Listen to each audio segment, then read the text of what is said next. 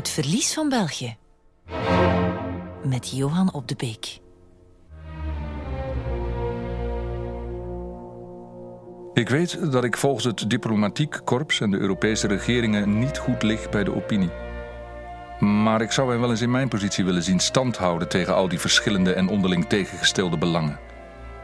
Had ik alleen maar mijn Holland, ik zou honderd keer gelukkiger zijn.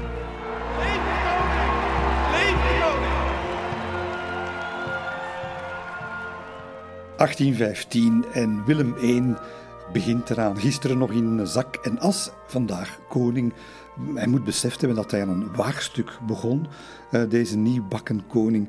Uh, maar hij, uh, had er, hij had er goede moed in. Nu, toch eens even bekijken in welk breder perspectief die, die Willem staat. Hè? Want uh, laten we niet vergeten, Europa komt uit een, een ongelooflijke periode, een geweldige breuk met het verleden, met het ancien regime. En ze hebben Napoleon uh, uh, definitief verjaagd. Ze hebben die Franse revolutie bezworen, de grootmachten. En, en ze doen eigenlijk, en dat is natuurlijk het feit van dat congres van Wenen en van die, van die beslissingen die daar genomen worden. Ze doen eigenlijk, of ze willen graag doen, alsof er nooit iets heeft plaatsgehad als de verlichting en de Franse Revolutie. En, en dat is dus een uiterst conservatief, om niet te zeggen reactionair gezelschap, dat daar de kaarten legt. Wel, binnen dat geheel van die, van die vorsten is eigenlijk onze Willem nog niet de kwaadste. Hè? Willem is eigenlijk een soort, ja, als je daar goed over nadenkt, het is eigenlijk een beetje een kopie van, in het klein, van Napoleon een beetje één been in het verleden, in het ancien regime, en één been in de moderne samenleving. Want Willem gaat toch wel dingen doen die, die, die helemaal uit die verlichtingsidee komen. Openbaar onderwijs. Hij gaat ongelooflijk zijn best doen om kerk en staat uit elkaar te krijgen. Hij gaat ook, hij gaat ook ijveren, al was het maar omdat hij uit een protestants land komt, om, om de godsdiensten op een gelijke voet te zetten. Uh, niet katholicisme boven en protestantisme onder. Dus, en dat, dat is allemaal dat gelijkheidsidee, dat, dat, uh, dat democratiseringsidee voor een stuk toch ook wel, dat, dat in die Willem inzit. En dan aan de andere kant, de, ja, de oudbakken uh, staatsman die hij is, als je dan gaat zien hoe hij dat dan in de praktijk, dat land gaat leiden, die regering gaat vormen, ja, dat, dat, dat is dus zo ancien regime als het kan. Maar het gaat, het gaat niet pakken, want er gaan een paar kleppers opstaan in die liberale generatie. Namen die vandaag de dag wij allemaal nog zouden moeten kennen, die het land echt gemaakt hebben, maar die op dat moment nog klein, onbekend zijn, nog niet op de radar staan van Willem I. Dat zijn de mannen zoals Jean de Bien en vooral Louis de Potter. U bent, sire, niet de meester van de Belgen. U bent slechts de eerste onder hen, de meest verheven in rang en waardigheid. Maar u bent niet de meester van de staat. Die de Potter, dat is, dat is toch wel, uh, we zouden zeggen in het mooie Vlaams, dat is een patteken. Want uh, ja, hij wordt geboren uit, uh, uit adel. Hè. De Potter van, of in het Frans, de droge wallen. Uh, ze komen van de Dijver in uh, het centrum van Brugge. Het gebouw staat er nog altijd. Uh, kastelen in Loppem, Torhout en zo verder. zitten er warmpjes bij. Maar die, die de Potter ja, al vroeg, vroeg toont hij dat dat toch wel geen, geen mannetje is die, die binnen de lijntjes wil kleuren. Hè. In zijn persoonlijke levensloop om te beginnen ja, herhaalt hij het in zijn hoofd om als adellijke telg om het aan te leggen met een meisje uit het soort ja, categorie van mensen waarmee de, de, potters zich eigenlijk niet normaal zouden familiariseren. Meisje van het volk natuurlijk. Hè. Komt daar toch wel een buitenechtelijk kind uit, zeker. Ja, over de, de identiteit van, van de moeder zedig stilzwijgende. Die baby die wordt onmiddellijk discreet in een of ander kasteel ondergebracht. Hè? Een schandaal dat men nog net kan vermijden. Maar er is nog wel meer aan de hand met die, met die jongen de Potter. Die, die familie de Potter, eh, we spreken nu over een familie die, uh, die uh, het bewind van Jozef II heeft meegemaakt, die de, de Franse Republiek heeft meegemaakt, en dan weer de, de Oostenrijkse keizer die terugkomt en zo verder. Een verlicht gezin, toch wel. Hè? Aanhangers van Jozef II. En dus als ze zien dat hun, eh, dat eh, hun jonge Louis dat hij helemaal in die verlichtingsidee mee is, dan, dan, dan vinden ze dat niet erg. Dat vinden ze eigenlijk een beetje normaal. Maar veel, veel schokkender is dat Louis ook voor een republiek is. Stel u voor, in die tijd, een republiek, dat is Robespierre, dat is Napoleon. Nee, dat moeten we niet hebben. En dus ja, eh, een beetje liederlijk gedrag en wat verkeerde politieke ideeën. Men heeft in eh, adellijke kringen in die tijd daar natuurlijk een fantastische oplossing voor. En dat is een lange vakantie. Uh, ze sturen de potter gewoon weg, weg naar Europa, naar Parijs. En, heel lang gaat hij in Italië verblijven. Was dat wel een verstandig idee? van vader en moeder de Potter kunt je je afvragen, want uitgerekend Parijs, uitgerekend Rome, waar ja, het Vaticaan zit, maar waar alle revolutionairen van Europa ongeveer bij elkaar zitten, een stad die krioelt van de jonge en de rebelse gedachten. Uh, dat valt bij die Bruggeling echt wel in vruchtbare grond. En hij krijgt toestemming warempel om de archieven van het Vaticaan in te duiken. Dat is een uitzonderlijk privilege. En ze moeten daar in de archieven van het Vaticaan achteraf bijzonder veel spijt van gehad hebben, want hij gaat zes boeken op anderhalf jaar schrijven en die blinken uit in het, in het meest rabiate uh, anticlericalisme. En hij gaat een scherpe analyse maken van de kerkelijke geschiedenis, bekeken door de, de bril van de, van de verlichtingsfilosofen. En, en meteen staat hij daar op de radar van, uh, van de katholieke overheden natuurlijk. Hè. Uh, maar belangrijker, hij eh, ontmoet daar een, eh, een prachtige jonge dame, uh, Mathilde, een schilderes bovendien.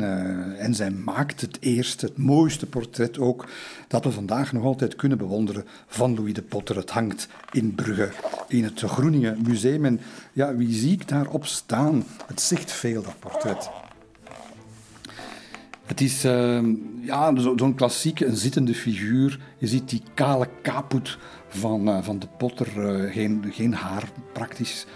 Uh, chique meneer, een zwart kostuum, zo'n goudgeel gilet, een wit hemd, zwarte das. Maar vooral, en dat heeft die, die Mathilde goed gezien, volkomen omringd door boeken. De geleerde, de, de intellectueel. En met een ganzenveer in de hand tuurt hij niet naar de, naar de toeschouwer, maar naar iets dat, dat, buiten, dat buiten het schilderij ligt. Naar, naar, iets, naar iets anders, naar iets nieuws, naar een nieuwe horizon. Hij weet nog zelf niet wat die nieuwe horizon zal zijn, maar dit is de potter. Dit is geen man van de straat, geen man van de harde politieke afrekeningen. Dit is een man van het woord, van het geschreven woord, van het gesproken woord en van de filosofie. Dit is een man van de verlichting. En dat is de potter die, uh, die uh, ja, dan uiteindelijk na tien jaar Rome, waar hij trouwens ook de Carbonari, dat zijn de, de Italiaanse revolutionairen, uh, leert kennen. Dus je, hij, hij, keert na tien jaar terug naar, naar zijn land. en dan niet naar Brugge, maar naar Brussel.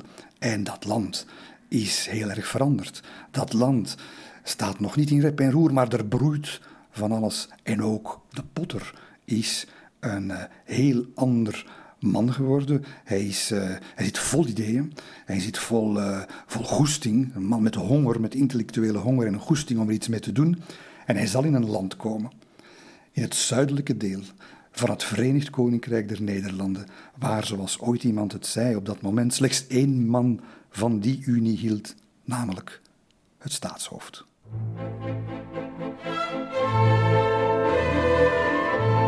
De rol van het staatshoofd en die van de kamers is duidelijk vastgelegd. Al het overige is revolutionaire en antigrondwettelijke prietpraat. Ik ben de koning van de Nederlanden. Ik ken mijn rechten, mijn plichten en ik zal de grondwet handhaven zoals ik gezworen heb te zullen doen.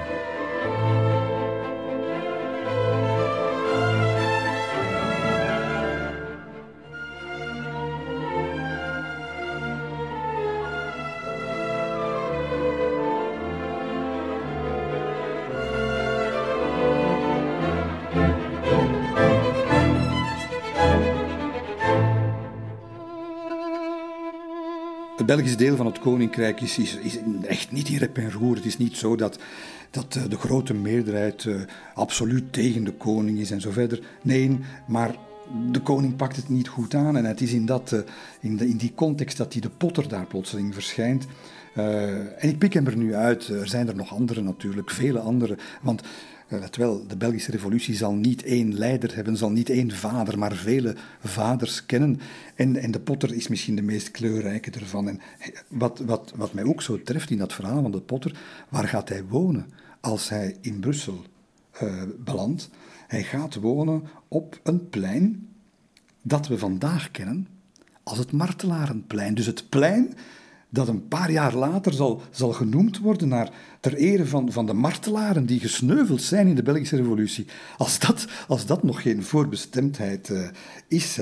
En uh, wat, uit wat voor hout hij gesneden is, gaat hij onmiddellijk laten zien. Want uh, er is zoiets als de Hoge Raad van de Adel, wel, die, die uh, reikt bij, de, bij overlijdens van, van adellijke lieden, reikt hij de titels opnieuw uit. En Pierre Clément de Potter, de vader, is overleden. En dus wordt die, uh, wordt die de Potter uh, uitgenodigd door die raad om zijn titels in ontvangst te nemen. En daar heb je meteen een rel van je welste. Want die de Potter die gaat dat gewoon potweg weigeren. En hij schrijft dat dan nog in een brief aan raadsvoorzitter baron van Westrenen van Tieland. Nou, die van Westrenen van Tieland, die moet er niet goed van geweest zijn, hè, want die, die krijgt daar een brief van de potter. Hij valt bijna uit zijn stoel als hij het leest. Uit zichzelf stelt de adelstand absoluut niets voor. Hoe kan het u dan verwonderen dat ik er niets mee wil te maken hebben? En hij laat hem, hij laat hem woedend weten dat, dat hij de zaak tot bij de koning zelf zal brengen. Dat dat een dwalende jonge man is die meteen zijn leven moet beteren als hij nog hoopt op de genade van de vorst. Wel, kan u zeggen, dat was nu net wat zo'n de Potter nodig had om daar eens een polemiek van te maken in een gepeperde vitrioolstijl, messcherp geredeneerd. Daar zie je ja, daar zie je de, de, de bezieler van wat, van wat komen gaat. En wat schrijft de Potter het volgende? Monsieur le baron, de onooglijke uiting van gekrenktheid die u vertoont in het schrijven waarvan ik de eer heb van u te mogen ontvangen, bewijst dat u niet gewend bent om dit soort brieven te krijgen.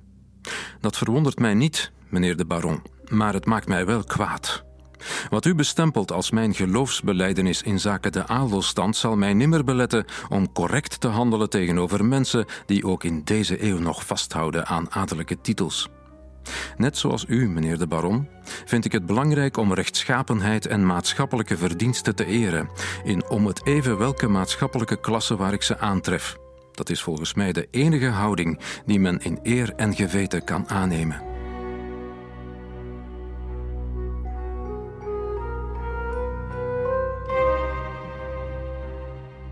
Nu, de jonge liberalen staan nog helemaal niet op de radar. Eh, het, draait nog om andere zaken. En met name, hoe kan het ook anders in een, in een regio als België?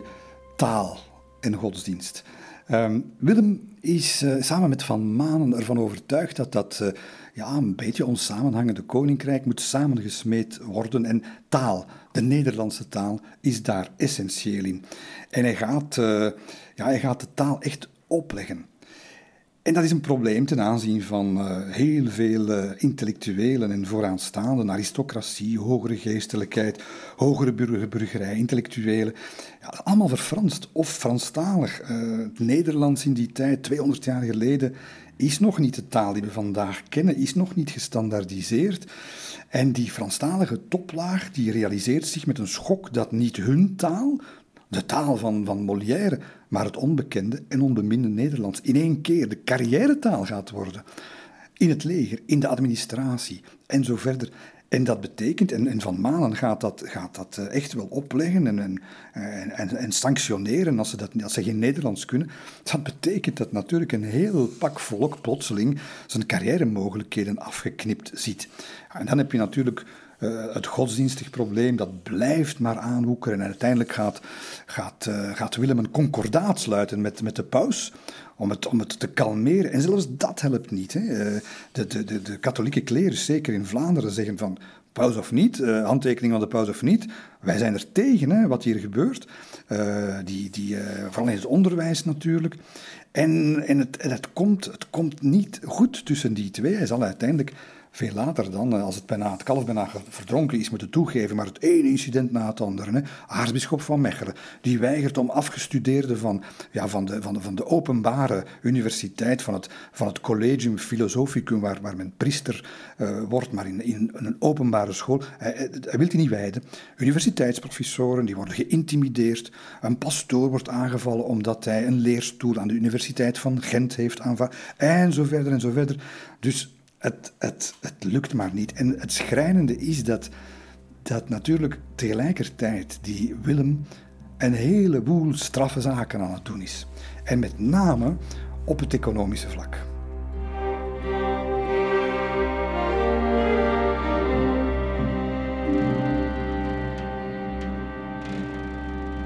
Die Willem is niet iemand die we zomaar naar de prullenmand van de geschiedenis moeten uh, verwijzen. Absoluut niet. Hè. Hij gaat ongelooflijke dingen doen. Kanalen aanleggen, straatwegen, kanaal Gent-Terneuzen. Uh, Gent uh, krijgt een zeehaven.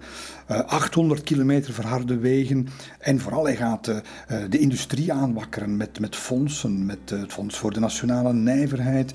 De Generale Maatschappij natuurlijk, die onder zijn impuls wordt, wordt opgericht. En dus een industrialisering samen met Cockerill in, in Luik. Eigenlijk een beetje de eerste de eerste kapitalistische heerser, eh, monarch in, eh, in Europa. Tussen haakjes ook wel met heel veel leed voor eh, een, een, altijd maar armoediger wordende arbeidersklasse, waar, waar niemand oog voor heeft. Ook niet de liberalen, ook niet, ook niet de koning. Dat gaat ook nog een probleem worden wanneer het, wanneer het er gaat om spannen.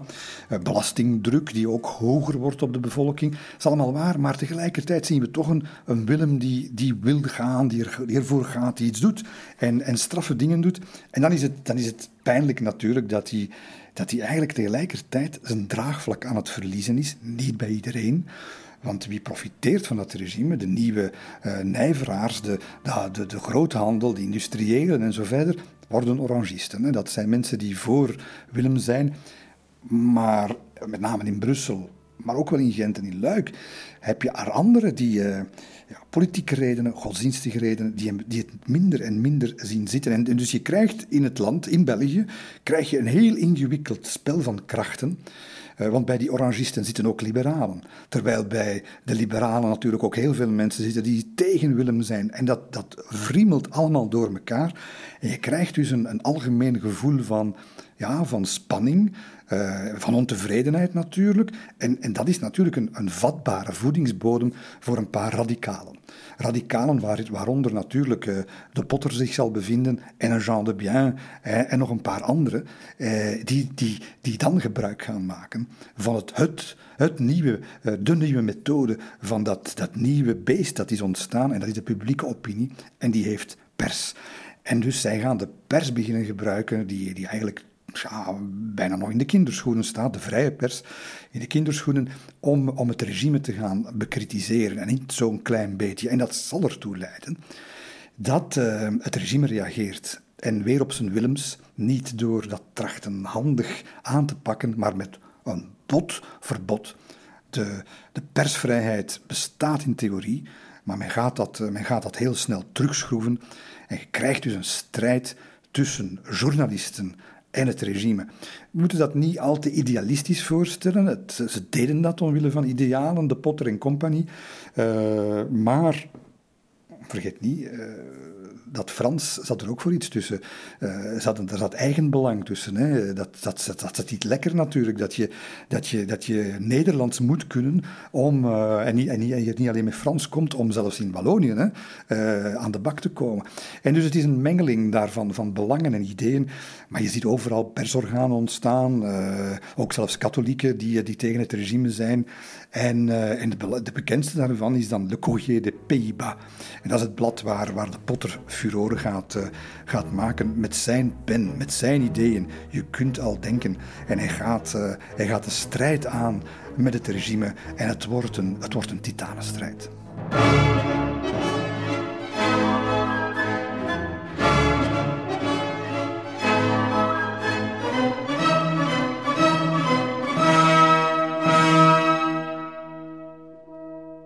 Liberalen en katholieken hebben allebei hun eigen misnoegens. Maar ze hebben ook heel wat gemeenschappelijk. Beiden willen de taalvrijheid, de persvrijheid, de onkreukbaarheid van de rechters en de ministeriële verantwoordelijkheid. Aparte strijd aangaan is nergens goed voor, want l'union fait la force, eendracht maakt macht.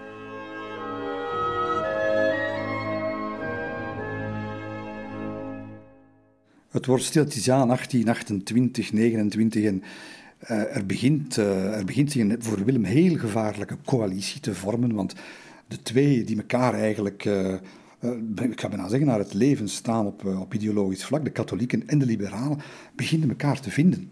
Ze beginnen elkaar te vinden en men gaat dat noemen het unionisme. en eigenlijk draait het, komt het erop neer dat dat ze elkaar vinden eh, in zaken vrijheid. En het is onder meer Louis de Potter die daar een rol gaat in spelen. De meest anticlericale, de meest vrijzinnige, laten we maar zeggen, eh, die gaat eigenlijk de brug maken. Die gaat eigenlijk zeggen, kijk, als wij hier iets willen veranderen, dan gaat dat niet gaan eh, op ons eentje, wij de liberalen. We gaan daar de anderen moeten in, in meekrijgen en ze gaan dus een soort compromis maken. En dat, daar zie je eigenlijk het begin van die compromiscultuur in de, in de Belgische politiek. Een compromis tussen het streven voor, voor meer individuele vrijheid, meer ministeriële verantwoordelijkheid, persvrijheid aan de ene kant en godsdienst, uh, ja, de vrijheid van onderwijs voor, uh, voor, uh, voor het godsdienstige en ook de belangen van de, van de katholieken. En, en die twee gaan elkaar vinden en, en het is de potter die dat toch wel, samen met anderen natuurlijk, aan elkaar begint te smeden. Maar het wordt november 1828 en ja, men heeft het nog niet helemaal door. Zelfs de geheime politie van Van Manen, die nu stilletjes aan toch wel die de potter in de gaten houdt, ze vallen plotseling achterover. Want wat gaat hij doen? Hij gaat daar in de Courrier des Pays-Bas een artikel neerpennen dat met name Van Manen eh, gaat doen inzien dat hij zijn vijand heeft onderschat. En de potter gaat in dat artikel definitief de steun van de liberalen aan de koning opzeggen gaat duidelijk maken dat uh, ze elkaar gevonden hebben samen met de klerikanen en dat uh, als hij niet onmiddellijk politieke vrijheden, democratisering, maar ook de belangen van de katholieken gaat respecteren, dan gaat hij iets meemaken. En de Potter zegt het volgende. Hoe moeten we hieruit komen? Telkens als we ons meer ondersteund willen zien, beter verdedigd, beter berecht, beter bestuurd in het algemeen belang door degene die wij betalen om in die zin te handelen, telkens als wij ons bemoeien met onze zaken, schreeuwt men alarm over de Jezuïeten en bevinden wij ons buiten de wettelijkheid. Ik heb een idee. Laten we woorden tegenover woorden stellen. Tot nu toe heeft men de Jezuïeten vervolgd. Laten we nu maar eens de ministers honen, bespotten en vervolgen. Wie niet onomstotelijk kan bewijzen dat hij geen enkele minister toegenegen is, moet door de natie worden verstoten. We zullen hem bedelven onder antipopulariteit met alle gevolgen van dien.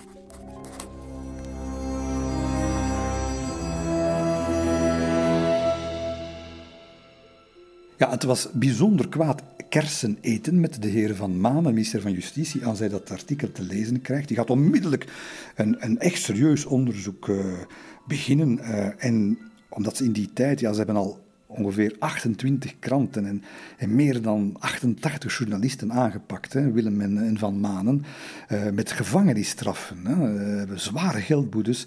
En, en de Potter wil niet dat zijn krant ten onder gaat daaraan en hij gaat, hij gaat zich outen, want hij had ondertekend met de letter omega, dat was toen een gebruikelijke codenaam, en hij gaat bekennen, ik heb dat geschreven. En hij gaat daar meteen iets bij zeggen, dat tot op de dag van vandaag eigenlijk in steen gebeiteld zou moeten staan. Hij zegt, zonder vrije pers is elk volk een domme en gedweeën kudde. Zonder vrije pers is elk volk een domme en gedweeën kudde. Elke regering is er een van willekeur en meetogeloze uitbuiting. De vrijheid van meningsuiting en van eredienst is een lachertje. Het nationaal gevoel, de publieke opinie zijn uitgeholde begrippen. Dat laat hij weten op 14 november. Een betoog dat nog niks van zijn kracht verloren heeft, zoals veel van wat Potter nog zal schrijven. En hij, ja, het is zover, hij weet het. Uh, en hij zegt, uh, voilà, ik uh, moet voor de onderzoeksrechter verschijnen. Maar eigenlijk slaat hij hier de weg in naar de roem. Ik trof mijn voorbereidingen, pakte mijn nachtkledij, nam afscheid van mijn vrouw en mijn kindje en na wat onbeduidende gedachtenwisselingen met de rechter kon ik, zoals ik had voorzien, de nacht doorbrengen in de gevangenis.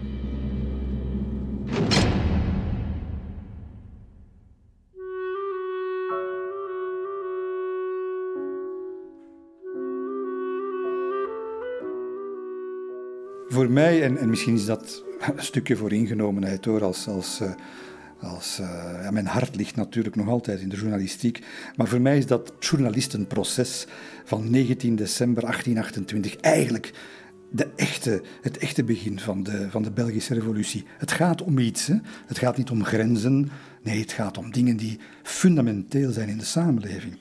En dat proces Iedereen weet het, heel Brussel weet het, een zwerm van belangstellenden en uh, elektriciteit in de lucht.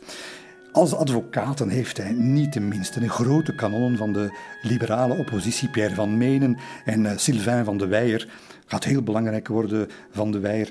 En uh, ja, het bewind zit een beetje met de handen in het haar, want die, die, die drie ze kunnen er niet tegenop. Ze gaan van dat proces werkelijk een forum maken om dagenlang alle grieven van de oppositie in het openbaar in zo'n proces uh, kont te doen. Hè. En, en, en de mensen lusten er pap van.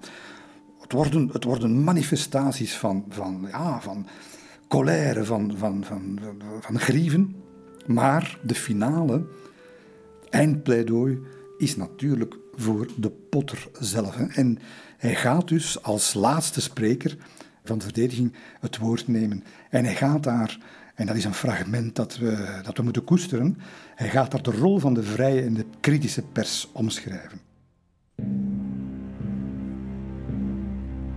De schrijver is de vertegenwoordiger van de beschaving van zijn tijd. Aan zijn voorgangers hebben de volkeren van vandaag de liberale instellingen te danken waarmee ze geregeerd worden. Aan hem zijn de mandatarissen van een verkozen parlement hun vertrouwen verschuldigd. Ik sta versteld dat vandaag nog met misprijzen gesproken wordt over deze mensen vanaf de tribune van de natie, ten aanzien van mensen die er mede voor gestreden hebben dat die tribune er vandaag staat en die hun eigen tribune hebben gemaakt, vanwaar mandatarissen, burgers, koningen en ministers beoordeeld zullen worden in laatste instantie. Laten we de ministeriabele wegjagen. Oorlog, open oorlog verklaar ik aan de corruptie, aan degenen die haar organiseren, aan de lafaards die zich laten omkopen. En u, Belgische magistraten, u in de eerste plaats, u, die het een eer vindt om door de natie uitgespuwd te worden, omdat u dit alles in stand houdt. En dan de laatste zin, terwijl alle ogen in die rechtszaal op die, op die charismatische figuur gericht zijn, zegt hij. Mijn enige verdediging is de uiting van mijn overtuigingen en mijn principes. U zult ze in al uw wijsheid en onpartijdigheid afwegen, mijn heren. Wat u ook zult beslissen, ik heb mijzelf niets te verwijten, want ik ben volledig vrijgesproken voor de rechtbank van mijn geweten. Voor de rechtbank van mijn geweten. Een kolkend applaus in de zaal uh, dondert over de hoofden van die, van die arme rechters, die zitten daar. Uh, het proces, het proces is, dat, dat is ontaard in een, in een politieke nachtmerrie voor het, voor het bewind. En, en, en om zes uur s'avonds, want ze doen er lang over, de rechter, zij moet natuurlijk, voorzitter de keersmaker van de rechtbank, moet nog eens eerst met Van Manen overleggen van wat gaan we hem nu, welke straf gaan we hem nu wel geven, want die, die de keersmaker durft dat alleen niet doen. En het verdict is niet mals. 18 maanden celstraf en een boete van 1000 gulden. Dat is een heel pak geld. En nog voordat de keersmaker dat kan uitspreken, barst die zaal in een oorverdovend boegeroep uit. En dan de potter beschrijft dat, wat er dan gebeurt. Ze moeten die, die rechtszaal ontruimen. Die, die, die rechters vluchten werkelijk weg. Hij moet door gendarmes door, door een zijdeurtje weggebracht worden. En hij zegt daar, hij beschrijft dat eigenlijk zeer mooi. Hij zegt dat is een van de mooiste momenten geweest uit mijn leven. Terwijl overal rond die koets waarmee nu naar, naar het gevang wordt gebracht. Uh, het gevang noemde men dat in die tijd, in de, in de Karmelietenstraat, waar tegenwoordig het ministerie van Buitenlandse Zaken is. Geroep rond die koets. En hij zegt, uh, hij zegt daarover het volgende. Samen met vier gendarmes moest ik plaatsnemen in een koets. Nauwelijks waren we de poort uitgereden of er leek wel een explosie van geroep los te barsten. Rond de koets klonken van alle kanten woedekreten als... Weg met de minister! Weg met Van Manen! Tussendoor hoorde ik de mensen leven de potter schreeuwen. Ik moet toegeven, het was een van de grootste momenten uit mijn leven. Het schonk me hoop op een betere toekomst voor mijn vaderland en verzachtte daardoor de beproevingen die ik mezelf had opgelegd.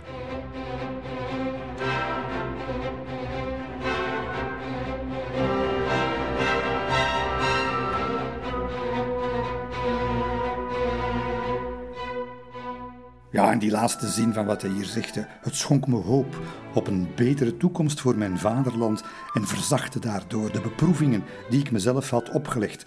Typisch de Potter, uh, idealist en niet vies voor persoonlijke opofferingen. En we gaan zien dat dat gaat een rode draad worden. Uh, een man van principes, een man die, die niet plooit, die, die geen compromissen kan maken eigenlijk. Dat maakt hem groots en dat maakt hem tegelijkertijd ongeschikt als politiek leider. Dat gaat een drama worden wanneer het recht gaat om spannen, wanneer de zenuwen hoog gespannen gaan staan in het toppunt van de Belgische revolutie. Maar zover zijn we nog niet, want de Potter zit nu in zijn cel. Uh, ja, die avond, wanneer hij veroordeeld is, die de keersmaker, die, die rechter die hem veroordeeld heeft, die die straf heeft uitgesproken, die gaat die gaat nog eens eventjes eh, een partijtje domino spelen in zijn stamcafé in, in de Munten, het Muntplein. Geen kat. Niemand komt daar naartoe. Die is daar niet goed van. Een feest diezelfde avond in het huis van Van Manen in Brussel aan de Zavel. En daar wordt een baksteen door het raam gegooid. Allemaal vege tekenen. Men pikt het niet meer. Terwijl de potter in zijn cel eigenlijk ja, eh, behandeld gaat worden als een, als een, als een ster. Uh, we zien hem daar zitten. Hij heeft, heeft het niet breed. Hè. Hij hangt daar een uh, smal strobedje, heeft hij daar een houten tafeltje, stoeltje, wit gekalkt muurtje met, met een gitaar, hè, want hij speelt graag gitaar. Uh, zicht op de hemel, ja, zo'n beetje met een tralievenstertje zonder glas, maar met houten luikjes. En het belangrijkste object in die kamer is de ganzenveer. Hij blijft schrijven. En hij mag blijven schrijven. En bovendien gaan die penvruchten allemaal naar buiten. Allemaal naar Brussel toe, naar de oppositie. Iedereen kijkt naar de potter. En, en niet alleen dat, hij begint gewoon mensen te ontvangen in zijn cel. Ze komen allemaal. Katholieken en liberalen. En ook, niet te vergeten, in, dat, uh, in die gevangenis zitten ook andere journalisten. Ducpétieux, Jotran, Klaas. Allemaal kerels die niet gaan achteruit gaan. En die zitten daar allemaal samen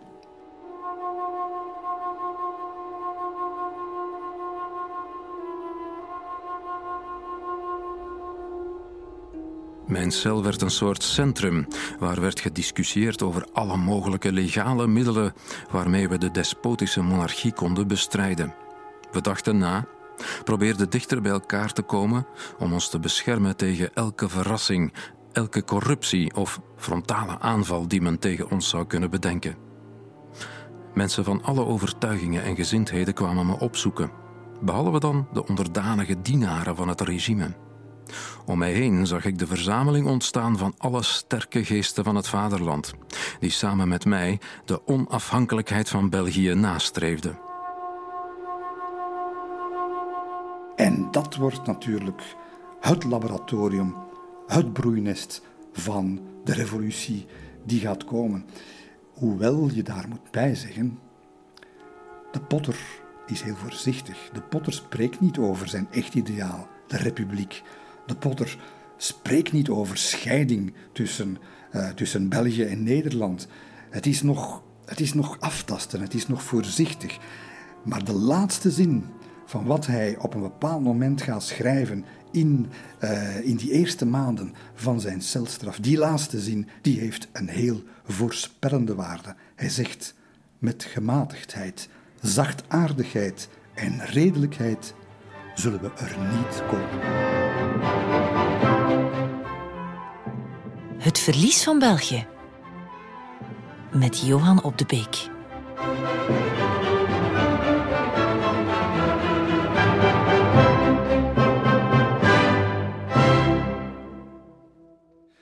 We zijn in het jaar 1829 en uh, Ja, Willem I begint te beseffen dat hij uh, zoveel tegenstand krijgt in België dat hij, hij, moet iets doen. Uh, de Potter, een van zijn belangrijkste tegenstanders, ze hebben hem trachten uit te schakelen door, door hem te veroordelen. Een persmisdrijf zit uh, voor lang in het burgerlijk gevang. Maar het helpt niet. Het is natuurlijk niet alleen de Potter. Het zijn de liberalen en de katholieken in elke stad kranten die onophoudelijk uh, vanjetje geven tegen dat Hollands bewind. Langs alle kanten wordt, uh, ja, voel je dat het, dat, het, dat het broeit. En de koning gaat eigenlijk uh, iets doen, eindelijk. En hij, hij, ja, hij besluit tot een soort roadshow in, in het zuiden van, de, van, de, van, het, van het koninkrijk. Een tocht met zes koetsen, gevolgd door, door, het, door het Hof, door alle Belgische provincies. Vijf weken lang, van, van het ochtendkrieken tot laat in de avond. Je kunt niet zeggen dat hij niet hard werkt, absoluut. En overal handjes schudden, luister naar toespraken, beleefdheidsfrasen, het glas omhoog en zo verder en zo verder. Maar ja, dat belet niet dat de grieven blijven leven. Ook in de Staten-Generaal, uh, in de Tweede Kamer, uh, de, de, de, de zuidelijke Nederlandse parlementsleden de Belgen, zullen we maar zeggen, die hebben daar eh, petities ingediend over alle mogelijke grieven die men in België heeft. En, uh, en, en, daar wordt hij ook mee geconfronteerd. Zoveel handjes schudden als je wil. Maar als je dan zo'n, bijvoorbeeld zo'n, in Roeselare bijvoorbeeld, een, een Pierre Rodenbach tegenkomt, uh, van de gelijknamige brouwersfamilie, een, een compaan van de potter, die slaagt erin om door het cordon te breken rond, rond de koning. En die, die duwt hem daar letterlijk zo'n petitie in de handen eh, een, een, een, petitie die, die, die dan nog echt tegen de kiezen van Willem beukt. Hè, want het, waar gaat het over? Uh, het gaat om een petitie om de potter vrij te laten. En, en zo gaat het maar door. Maar je moet zeggen, dat bezoek verloopt buiten een paar incidenten doorheen België, verloopt vrij rimpelloos. Ja, hoe gaat dat? Hè? Eh, knikken, buigen, juichen, de onderdanen uh, massaal en schijnbaar spontaan, want er wordt geld uitgedeeld uh, tijdens die bezoeken aan de gewone man om een pintje te drinken. En, en dan zijn die blij hè? en dan kletsen die in de handjes. Dus Willem krijgt daar eigenlijk niet het juiste beeld natuurlijk. En hij, hij maakt zichzelf iets, iets wijs. Het gaat eigenlijk toch weer goed, heeft hij de indruk, tot tot hij op 23 juni uh, fataal uh, over een bananenschil gaat uitglijden. En hij, het, is in, het is in luik dat hij weer eens overmoedig is en een paar zinnen gaat uitspreken. Ja, dat is zo. Tegenwoordig weten we dat. Hè. Je zegt iets dom op Twitter en, uh, en je hebt het zitten. En hij doet dat tijdens een toespraak in luik. Ik zie nu wat ik moet geloven van al die zogezegde klachten die zoveel ophef hebben gemaakt.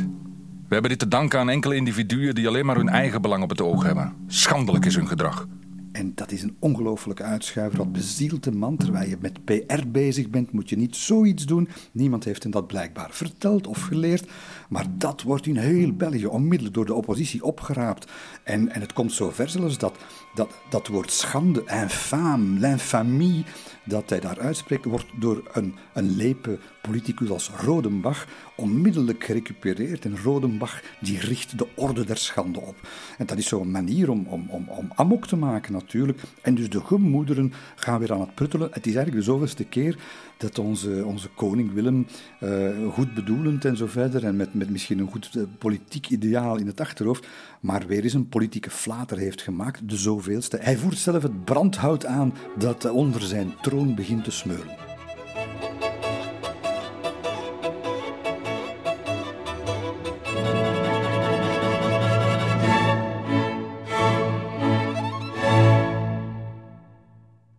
Terwijl uh, de koning zich uh, boos maakt over die uh, lastige Belgen en PR-tournees door het land onderneemt, zit ondertussen zijn, zijn belangrijkste kwelgeest, Louis de Potter, in de cel.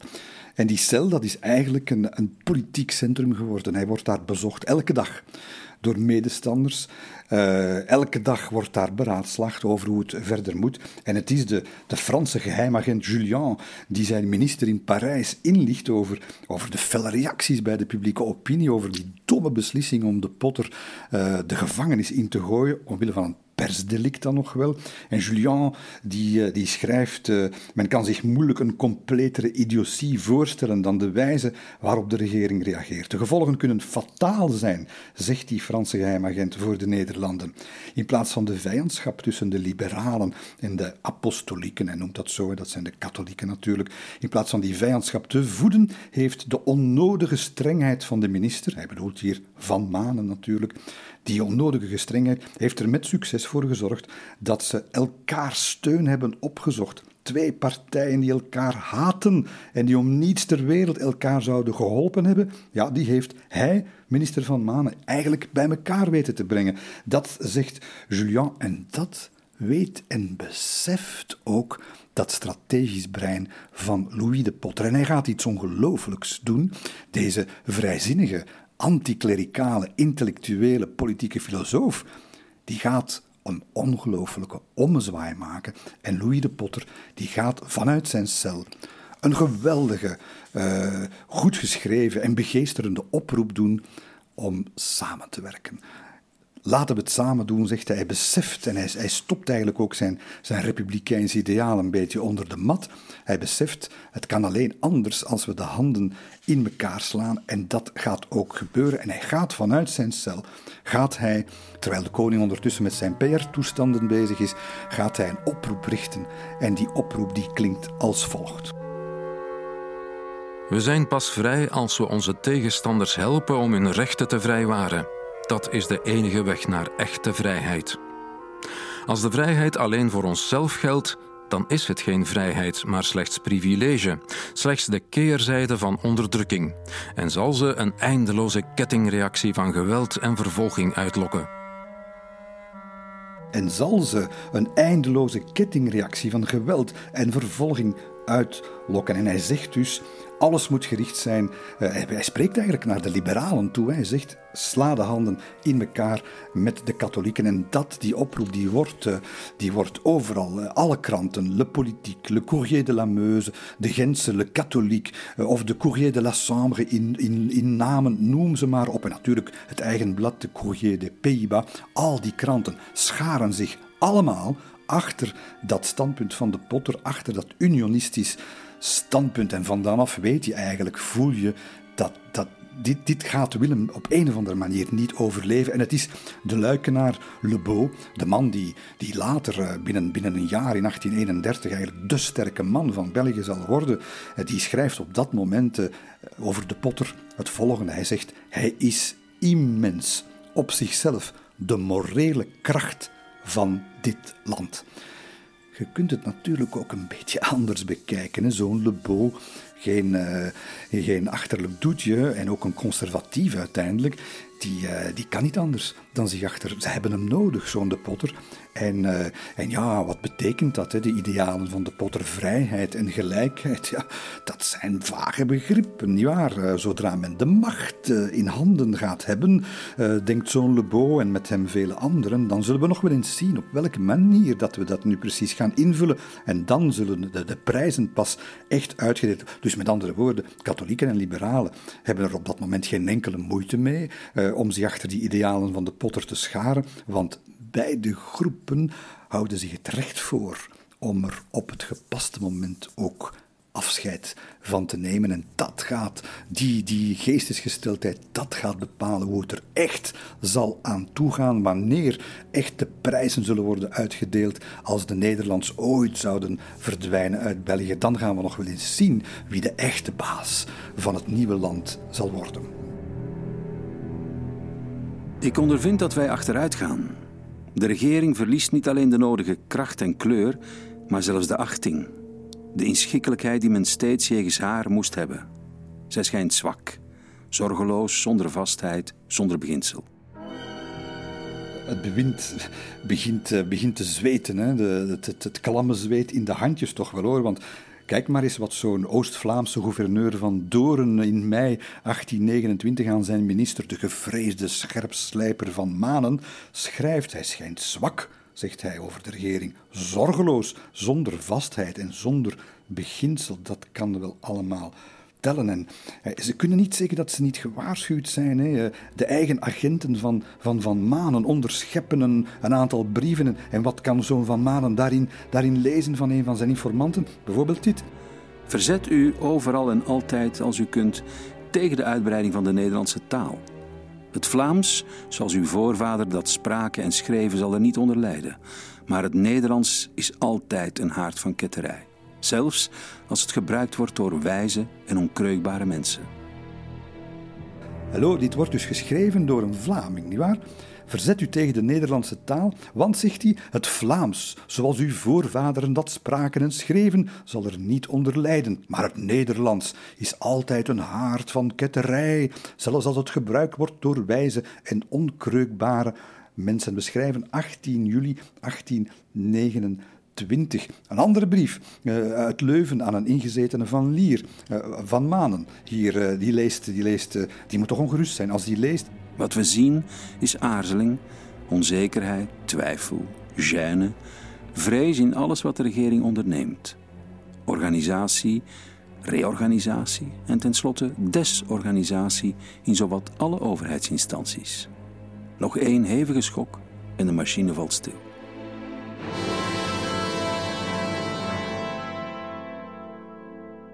Één stevige schok, schrijft die man, en de machine valt stil. Dus ze weten het. Ze weten dat hun koninkrijk zich op lemen voeten beweegt. En onze koning Willem, die weet dat natuurlijk ook. En die, die raakt gefrustreerd. En we kunnen dat, we kunnen dat afleiden uit een, een geweldig gesprek, opgetekend door de, de katholiek de Gerlache, die, uh, die toch wel uh, dicht bij de koning stond. En ze hebben op een bepaald moment een gesprek met elkaar. En ik moet u zeggen, ik heb dat bijna helemaal geciteerd in, in het boek, in het verlies van, van België. Omdat het, omdat het zo, zo die, die, die spagaat waarin Willem staat zo duidelijk maakt die, uh, die ja, wel wat goed bedoelende, maar toch ook tegelijkertijd ja, politiek niet zo bekwame koning. En die zegt daarin toch wel dingen waarin, waarin, waarin je je kunt vinden en waarin je ook vandaag de dag eigenlijk, er is nog niet zoveel veranderd. Hè? Als, die, als die bijvoorbeeld dit zegt. In een parlement zijn het altijd de kerels die het meeste durven, die alles domineren. In een parlement zijn het altijd de kerels die het meeste durven die alles domineren. Een klein groepje dat de meerderheid zegt wat ze moet doen. De massa's zijn blind en ongeordend en ze behoren toe aan degenen die haar op de meest laag bij de grondse wijze kunnen behagen. Men spreekt van de almacht van de publieke opinie. Men stelt de pers voor als haar onfeilbare spreekbuis. Maar zegt u mij eens, wie oefent dan die hoge en geheiligde macht uit? Wij zijn staatsmannen? Nee toch. Het zijn een handvol jonge snoevers die er alleen maar rechtenstudies op hebben zitten en weten hoe de hele meute van verschillende grondwetten van Frankrijk er sinds 1789 heeft uitgezien. Advocaatjes zonder een greintje ervaring en overtuiging die de geschiedenis citeren voor zover ze haar kunnen ombuigen volgens hun nutteloze utopieën. Het is een stelletje journalisten van wie de meeste de journalistiek uitmelken als betrof het een handeltje. Zie daar, de mannen die oordelen over koningen en naties en met wie wij verondersteld worden te onderhandelen over de macht. Hebt u dan niet de minste vrees voor deze occulte en onverantwoordelijke tegenregering die voortdurend de laagste passies van de massa opzweept, die onwetende en naïeve massa? Het is een stelletje journalisten. Dat zegt, uh, dat zegt de koning en hij heeft het eigenlijk, hij noemt het ook zo, hij heeft het eigenlijk over populisme. Populisme, een woord dat we vandaag natuurlijk schuwen als de pest, maar het bestaat wel.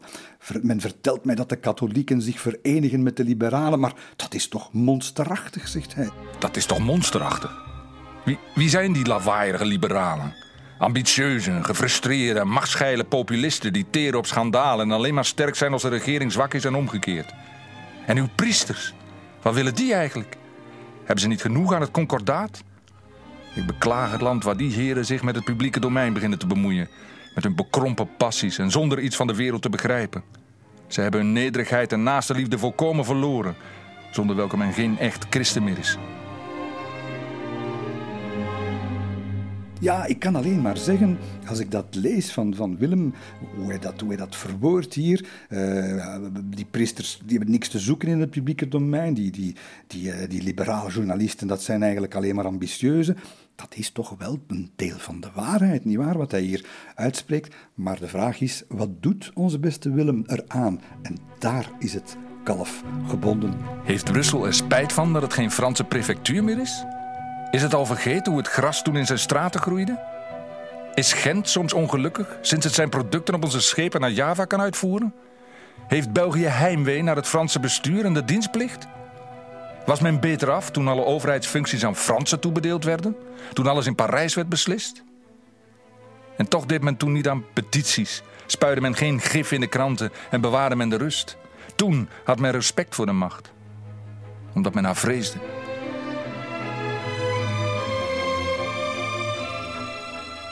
Goedbedoelende vaderfiguur, zo wil hij zich eh, voorstellen, onbegrepen, getergd door onverantwoorde carrière-tijgers. Ja, dat zal wel voor een stuk allemaal wel waar zijn, maar waar zijn de antwoorden op democratisering, op ministeriële verantwoordelijkheid, op persvrijheid, terwijl de potter in de gevangenis moet uh, zijn straf uitzweten. Waar is het allemaal? Het is niet te bekennen in de denkwereld van koning Willem I, een uh, ouderwetse despoot.